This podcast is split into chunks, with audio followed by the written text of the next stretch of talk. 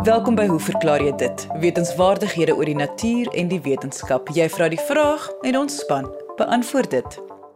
My naam is Lise Swart en ons paneelkenners vandag is herpetoloog professor Lefras Meton, medikus Dr Heinz Middler en ekoloog Dave Peppler. As jy 'n vraag het, stuur jou e-pos na lise, dit is L I S E by rsg.co.za. Onthou, jy mag onder 'n skuilnaam skryf of vra om anoniem te bly. Ons eerste vraag van die dag word gevra deur Desmond van Mitchells Plain en dit word beantwoord deur herpetoloog professor Lefras Meton. Desmond skryf: Na aanleiding van julle bespreking oor die giftande van slange, op hoe verklaar jy dit? Wil ek graag weet wat die oorspronklike rede vir die ontwikkeling van giftande by slange was. Was dit vir beskerming teen roofdiere of was dit om hul prooi te verlam sodat hulle dit sonder moeite kan insluk? Hulle vras om die bespreking aan die gang te sit. Mag ek vra, voordat slange nou giftande ontwikkel het, hoe het hulle hulle self teen vyande beskerm? Enige iemand wat slange ken sal ook vir jou kan sê dat slange wat nie giftande besit nie, 'n mens baie ernstige bytwonde kan toedien. Ek dink sommer nou onwillekeurig aan die luislang waarvoor 'n mens baie lig moet loop as hy die dag kwaad is. En ook die molslang kan 'n baie pynlike byt toedien. Ek is al oor die jare baie keer deur nie giftige slange gebyt. Sommige byte is seer, ander laat jou net skrik, maar die punt is slange se verdedigingsmeganisme in die algemeen, dit is as hulle nou nie kan vlug nie, is om te byt net soos die meeste akedisse ook maar sal byt. So Lise om jou vraag te beantwoord, die meeste slange byt om hulle self te beskerm of hulle nou giftig is of nie giftig is nie. Uh baie maak natuurlik ook geleide om vyande af te skrik en ons weet dat die kobras maak mos 'n bakkop. Uh, sommige slange maak weer of hulle dood is.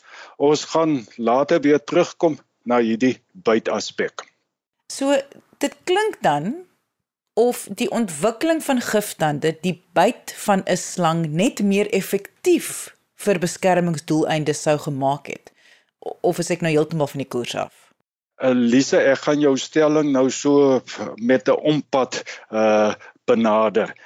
Die eerste gevorderde slange het natuurlik nie giftande gehad nie en ook soos baie van ons moderne slange vandag is, was hulle uh sogenaamde konstruktors. Dit wil sê as hulle wanneer hulle iets vang, draai hulle blitsnel hulle lang soepel lywe om die prooi en druk dan die prooi met behulp van hulle kragtige liggaamswandspiere dood. Nou om hierdie metode van skadeloosstelling effektief te kan gebruik, moet die slang se liggaam baie soepel wees. Dit help nie, dit is nou soos 'n stuk stywe draad nie. Uh soepelheid word natuurlik bepaal deur die lengte van die wervels. Hoe korter die wervels, hoe meer soepel is die uh, slang se liggaam. Ongelukkig is daar nou egter nou 'n prys om te betaal vir hoë soepelheid, want hoe korter die wervels van 'n slang, hoe stadiger sal die slang wees. En die teenoorgestelde dan ook om vinnig te kan wees, moet die wervels lank wees. So dit is dan nou 'n probleem. Konstruktorslange, dit wil sê slange wat nou al prooi dooddruk, kan nie ook vinnig wees nie. Dit beteken dus dat hulle net sekere tipes prooi sal kan vang. Nou knaagdiere was volop as prooi vir die eerste konstruktorslange en alhoewel hierdie diertjies kon byt en krap, was en is konstruksie 'n relatief veilige metode om prooi onskadelik te stel. In digte habitatte is dit ook relatief maklik vir om prooi voor te lê of vas te keer en 'n uh, 'n gebrek aan spoed was nie so ernstige nadeel vir hierdie soepel slange nie.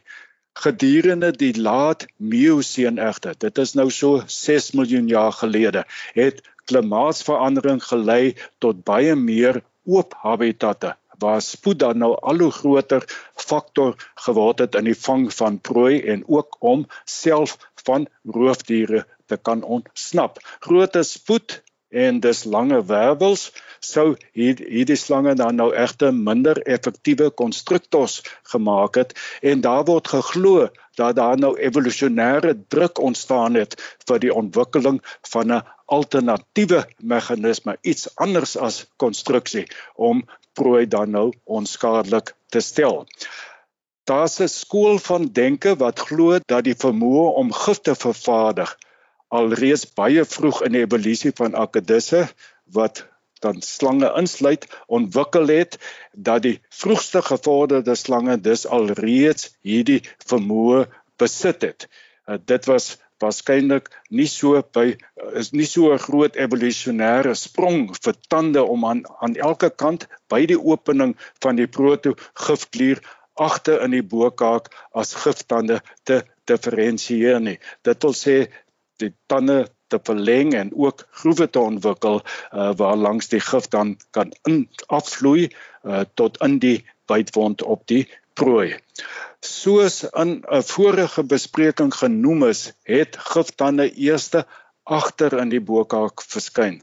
Glad nie die ideale plek om effektief vir beskerming teen aanvallers aangewend te word nie. So Lise en Desmond Giftande het dus nie ontwikkel om die slang se byt as beskermingsmeganisme verder uit te bou nie. Dit het wel vir die primêre doel ontwikkel om prooi onskadelik te stel sodat dit ingesluk kan word. Slanggif bevat natuurlik ook verteringsensieme wat saam met die toksiese elemente in die prooi ingespuit word om die verteringsproses te begin verdere ondersteuning vir die aanname dat giftande nie oorspronklik uh vir beskerming ontwikkel het nie, kom van die verskynsel dat die meerderheid giftige slange onwillig is om gif op hulle aanvallers te mors en dan sogenaamde droë buite toedien of minder gif toedien as wat hulle sou doen wanneer hulle hul prooi onskadelik stel.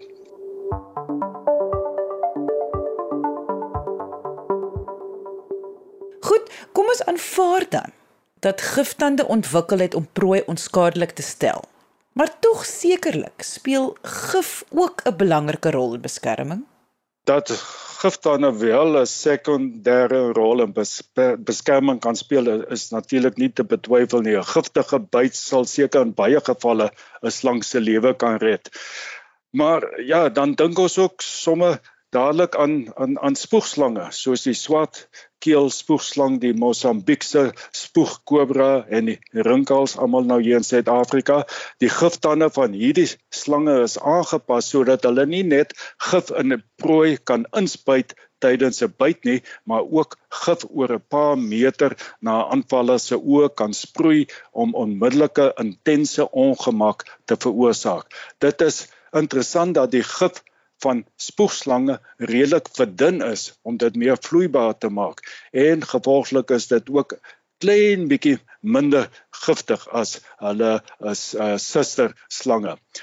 Die sproeiaksie is uit 'n uit 'n beskermingsmeganisme en word nie gebruik om potensiële prooi tydelik te verblind sodat dit oorrompel kan word nie. Met die verskywing van die giftande na die voorkant van die mond by drie onverwante slanggroepe het die hele gifapparaat baie meer gesofistikeerd geraak. Die groewe langs die tande af is nou omvorm tot 'n inwendige kanaal binne die giftand, amper soos 'n inspuitnaald.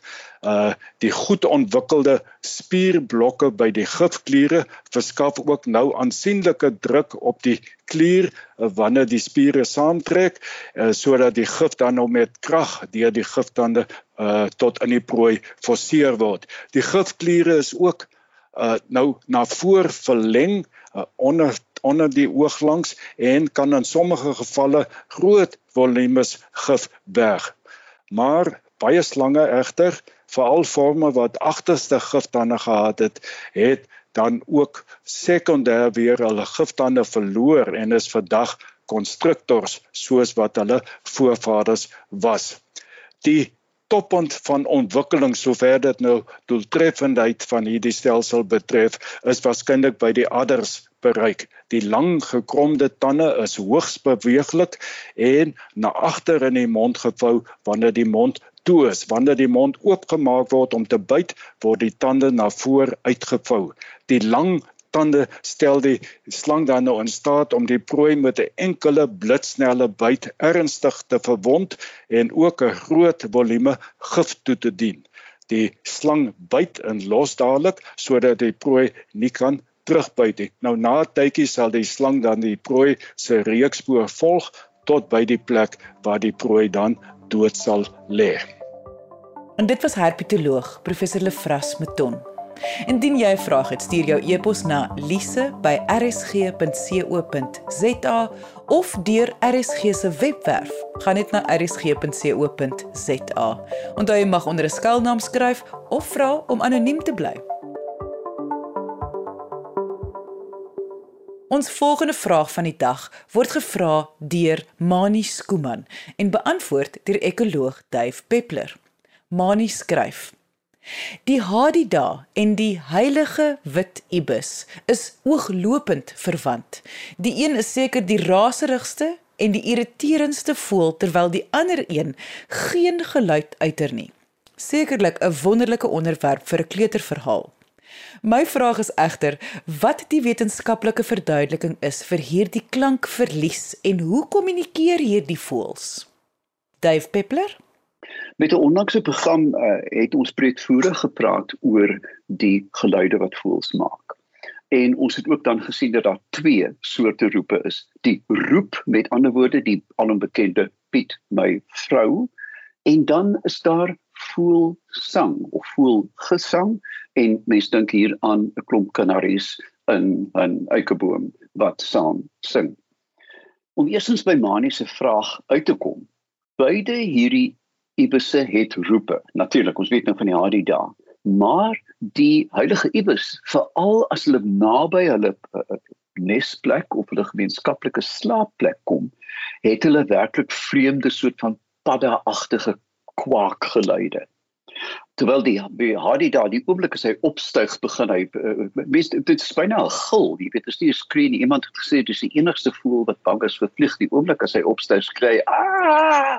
Maar nou ja, kom ons kyk tog net weer na voelroepe en ons haal nou die vorige program uit.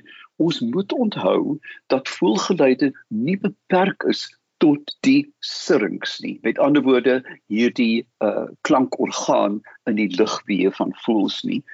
En baie voels gebruik natuurlik hulle snavels, hulle pote, hulle vlerke en hulle sterte om geluide te maak. Snavelgeluide is baie bekend by die kraanvoels en ook uh, mense weet natuurlik van uh, in Europa waar kraanvoëls baie meer skaars as by ons is, um, is dit daai tak tak tak tak tak tak tak tak tak geluid veral as hulle besig is met hulle paringsdans en ek onthou al te goed in Kazakhstan na 'n nag van 'n uh, oseaan van vodka en ek weet nou nog hoe ek by my tent uitgekom het nie het ek die dag wakker geword met hierdie vreemde klapgeluide en ek het gedink is maar net my uh, my roes wat so in my kop raas en toe ek my tentflap oopmaak reg voor my letterlik reg voor my 15 meter van my af dans twee demoiselle kraanvoels die skaarste kraanvoel op aarde. Ek het netlik so aan die huil gegaan want dit is die droom van enige voelkyker om hulle te sien. Maar dan weet ons ook dat in uh in Europa veral waar grouse voorkom, hierdie jagvoël wat die skotte so lief is om te skiet. Um hulle het 'n uh 'n parings en 'n territoriale gedrag wat bekend is as drumming. Hulle gaan staan op 'n op op 'n stomp en stamp met die voete en klap met die vlerke. En ons hier by ons uh, weet ons dat duwe veral weet lemoenduwe, rooioogduwe, tortelduwe uh vir al die mannetjies vlieg byna vertikaal in die lug in. Vrrr, en dan sweef hulle af. Met ander woorde, hierdie geluid wat hulle maak word uitsluitlik met die vlerke gemaak en glad nie deur die lugweë nie.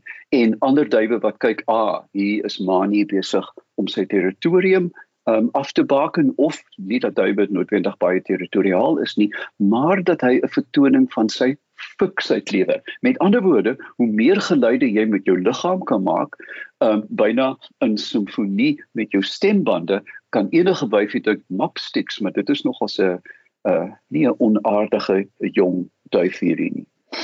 Dan natuurlik vir my een van die mees asembenemende vertonings van juis hierdie klapgeluide met die vlerke is ons pragtige dagbrekertjies en veral die Kaapse dagbrekertjie. Uh staan op 'n Karoo vlakte net so met dagbreek en dan hoor jy en jy sien hom byna nooit nie hoor jy en dan twee terwyl hy af en dan as jy eers gemerk het waar hy is, dan sien jy hierdie piep klein voeltjie vlieg letterlik loodreg die lug in. Kom bo die apogee of die draaipunt en dan twee terwyl hy weer afsak grond toe. Dit is een van die mees aangrypende roepe wat ek ken.